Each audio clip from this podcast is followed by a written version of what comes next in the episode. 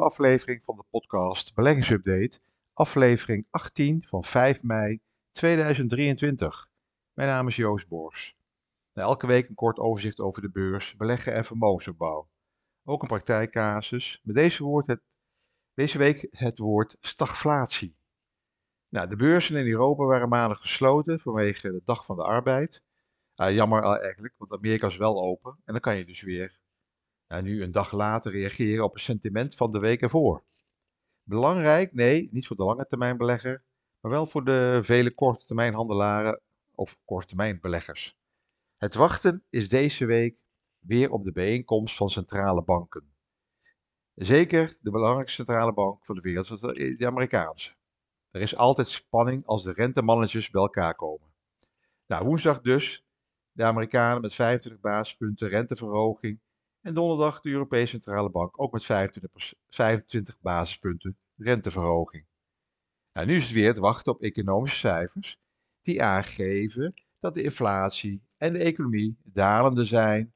Dan weten we dat, dat misschien die renteverhoging misschien tijdelijk de laatste verhogingen zullen zijn. Maar dat is eigenlijk een beetje wat uh, zeker de Amerikaanse Centrale Bank een beetje doorcijpelen in de persconferentie. Maar oh, oh, oh, wat zijn ze dan heel voorzichtig met hun uitspraken, want ze willen natuurlijk die beurs niet heel erg beïnvloeden. Nou ja, wat nog meer, deze, het was eigenlijk een hele, hele bizarre week met bankenproblemen. De ene probleem naar de andere, het andere probleem, renteverhogingen, maar ook nog Amerikaan, Amerikaanse overheid heeft een schuldenprobleem. Nou, jaarlijks wordt er een limiet gesteld waar de totale schuld, staatsschuld niet overheen mag. Dit bepaalt dan ook de leencapaciteit van de Amerikaanse overheid. Nou, deze week dient er in het congres besloten te worden of die limiet weer verhoogd wordt. Nou, stel dat het niet gebeurt, dan worden de overheidsuitgaven bevroren, bijvoorbeeld geen geld naar infrastructuur. Ja, en heel simpel gezegd, geen salaris en ambtenaren worden, die worden ook niet uitbetaald. Maar dit zou de economie dus ernstig kunnen verstoren. Nou, dan moeten dus gewoon nog een week of twee afwachten, kijken of de Republikeinen en Democraten het onderling eens kunnen worden. Maar het is wel een feit dat uh, de regering van Biden erg veel geld uitgeeft. En dat vinden de Republikeinen natuurlijk niet zo prettig. Nou, afgelopen weekend was die financiële markt in afwachting hè, van welke bank gaat de probleembank First Republic overnemen. Ja, dit is wel de tweede bank in Amerika die door het weglopen van klanten en foute beslissingen van het management, hè, die gestegen rente. Door de gestegen rente zijn ze in problemen gekomen omdat ze gewoon een mismatch hadden tussen hun uh, lange en korte uitzettingen van uh, de deposito's. Nou, en, en, de en de leningen die ze hebben uitgezet. Nou, alle actieven, vrijwel alle actieven van de Amerikaanse First Republic Bank komen in handen van zakenbank Morgan Chase. En dat zie je toch weer dat de kleine lokale banken, die worden nu vermorseld. En de grote banken, de vijf uh, of zes hele grote banken in Amerika, die worden alleen maar groter en groter. Dat lijkt me ook niet verstandig, lijkt me ook niet zo goed. Ja, Morgan Chase, zakenbank, neemt alle deposito's, inclusief alle niet verzekerde deposito's over. Uh, eigenlijk vrijwel alle actief van die First Republic Bank. Nou ja, Eerst neemt de toezichthouder First Republic Bank over en vervolgens verkopen ze deze aan, de, of draaien ze over aan die Morgan Chase. Nou, die uh, First Republic had net als in de maart omgevallen Silicon Valley last van die hard gestegen rente. Uit de, afgelopen week gepubliceerde kwartaalcijfers bleek dat klanten in drie maanden tijd ongeveer 100 miljard aan tegoeden hadden weggehaald. Nou, wat deze bank dus uh, alleen kon bekostigen met dure leningen. Beleggers zagen niet in hoe met deze hoge kosten genoeg winst kon worden gemaakt om te overleven. Dus die aandelen daalden. Dit was natuurlijk een slecht bericht. Het, het zorgt er ook voor dat andere particulieren ook hun uh, gelden en liquiditeiten gingen, af, uh, gingen ophalen bij deze bank. Dus je krijgt een soort, soort bankrun die ze eigenlijk ook wel zelf hebben veroorzaakt. Nou, die aandelen die zijn uh, in één dag met 50% gekelderd. En ja, dat raakte dus ook de Europese banken. En je zag dinsdag die index in Amerika van de lokale eh, banken, zo'n sectorindex uh, lokale banken, die is het hele jaar ook al met zo'n 40% gedaald.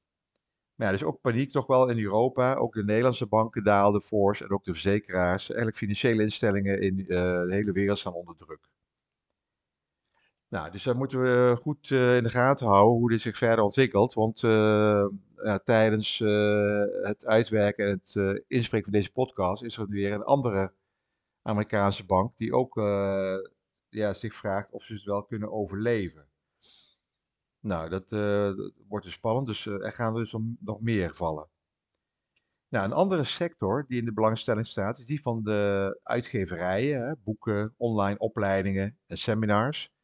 Te, te denken in Nederland zijn bijvoorbeeld Wolters Kluwer en Relax, hè, dat is vroeger het Elsevier.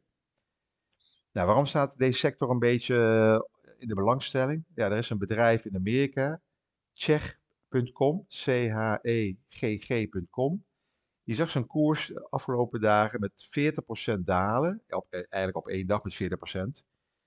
Door het bericht dat de resultaten wat teruglopen. Doordat ze concurrentie hebben van dat uh, chat GTP.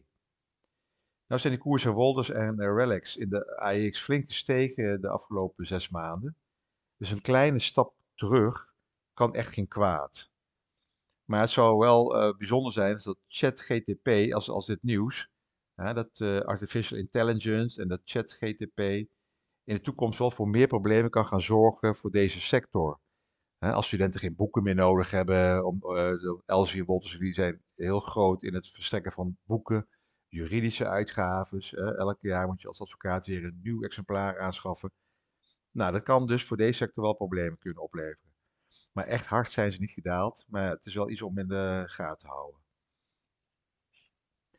Nou, de chemiesector, die vorig jaar aangekondigde fusie tussen uh, biotech en voedingsingrediëntenconcern DSM en de Zwitserse smaakstoffenfabrikant Firmenich, heeft een laatste belangrijke hobbel genomen. Maandagochtend van de afgelopen week meldde die fusiecombinatie dat ongeveer 97% van de aandelen zijn aangemeld. Dat betekent dus dat die uh, fusie doorgaat. En eh, de, de grens stond op 95%.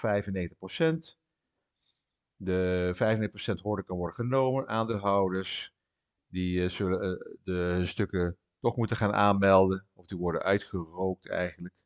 Ze kunnen er niks meer mee. Dus iedereen moet dan, dan nu maar gaan aanmelden. Ja, als gevolg van die overname verdwijnt het aandeel DSM eind mei van de beurs. Het wordt vervangen door, maar die zijn nu al een beetje genoteerd, het wordt vervangen door DSM Vermendig.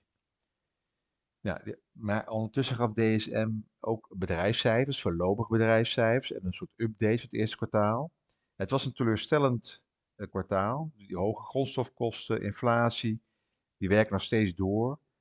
Uh, dat zorgt voor een lage omzet, lage winstmarge. DSM kon deze kosten niet allemaal doorberekenen aan de afnemers. Pas in het najaar verwacht DSM een verbetering dus eigenlijk nog even wachten met uh, groot inkopen, tot duidelijk is dat inflatie wereldwijd stabiliseert of terugloopt. En een ander bedrijf wat uh, problemen had of heeft, was die staking bij Albert Heijn. wat opvalt, dat is eigenlijk de koers van Albert Heijn niet echt onder indruk is van de staking bij distributiecentra in, het, in ons land. Nou, dit is eigenlijk een typisch gedrag van aandelenkoersen tijdens een bedrijfsstaking. Dat zie je in de historie ook wel vaker. Het hangt er wel vanaf hoe lang het duurt natuurlijk. Het moet geen maanden of uh, jaar duren. Maar vaak bij een staking van één of twee of drie weken reageert de aandelenkoers van het bedrijf haast niet of heel matig of redelijk lauw. Het is, ook, het is dan ook dat ze hiervoor een gezegd hebben in Amerika: never sell a stock during a strike of never sell on strike. Want de markt verwacht altijd toch weer een oplossing. En dat fundamenteel het bedrijf niet, deze taak niet ernstig zal schaden. Het zal natuurlijk voor Ahold wel weer een, een deuk zijn. De kosten lopen op, maar ik denk dat Albert Heijn, Ahold, die zal deze kosten toch wel stiekem doorberekenen in hun sinaasappels, uh, bananen, uh, whatever, groentes. Ergens gaat er overal wel weer een paar cent op. Dus dat zal niet zo'n probleem zijn. Ook uh, Shell kwam met cijfers, die waren ook weer fantastisch. Shell gaat nog meer aandelen inkopen. dus je ziet toch wel redelijk goede, goede cijfers. Ook Arcelor had goede cijfers. Dus uh, al met al valt het allemaal wel uh, mee nog, wat uh, afname economische groei betekent voor bedrijfsleven. Nou, de Nederlandse inflatie, even wat macro-nieuws, is toch wel weer iets gestegen. CQ, het blijft nog steeds op het hoge niveau, zijwaarts gaan. Het is niet dat het heel hard daalt. De afgelopen dagen komt het woord stagflatie hierdoor weer terug. economen beginnen her en der toch weer in een column op te nemen van, oh, economische groei loopt wat terug, inflatie blijft nog hoog. Nou, dan hoor je het woord stagflatie. Nou, dus je hebt uh, stagflatie, dus die twee combinatie met een uh, hoge inflatie en afname economische groei. Het is nog lang niet zo erg als in Argentinië, waar die inflatie ongeveer 100% bedraagt en waarschijnlijk de munt ook weer, weer moet devalueren. Nu heeft Argentinië de laatste 20 jaar toch regelmatig om de twee jaar dezelfde economische problemen. Nou, wat bedoelen ze nou weer met dat stagflatie? Ik heb het twee jaar geleden ook al genoemd. Het is altijd goed om even weer uh, wat uh, in opleiding te doen, ook voor de uh, nieuwe luisteraars. Nou, stagflatie verwijst naar een economie die een gelijktijdige toename van inflatie en eigenlijk een afname van de economische productie ervaart. een stagnatie. Dus het is eigenlijk een samentrekking van inflatie en stagnatie. Stagflatie dus. Ja. Het werd voor het eerst erkend tijdens de jaren 70, 1970, toen veel ontwikkelde economieën een snelle inflatie, hoge werk, werkloosheid uh, ervoeren als gevolg van een olieschok. De heersende economische theorie in die tijd kon niet gemakkelijk verklaren hoe stagflatie kon optreden. Nou, sinds de jaren 70, 1970 zijn stijgende prijsniveaus tijdens perioden van langzame of negatieve economische groei eerder een beetje de norm geworden dan een uitzonderlijke situatie. De term stagflatie werd voor het eerst gebruikt in de jaren 60, 1960, tijdens een tijd van economische stress in uh, Engeland, door een politicus, uh, MacLeod. Hij had een, uh, tijdens het parlement een toespraak. Daar begon hij over het woord, daar introduceerde hij eigenlijk dit woord. Dus ehm, hij, hij, noemde het eigenlijk, hij noemde het een stagnatiesituatie. Het werd later opnieuw gebruikt om een recessieperiode in de jaren 70 na de oliecrisis te beschrijven, toen Amerika een recessie onderging die vijf kwartalen van negatieve groei zag. De inflatie verdubbelde in 1973 en bereikte dubbele cijfers in 1974. De werkloosheid bereikte 9% in 1975. Nou, stagflatie leidde tot de opkomst van de ellende-index.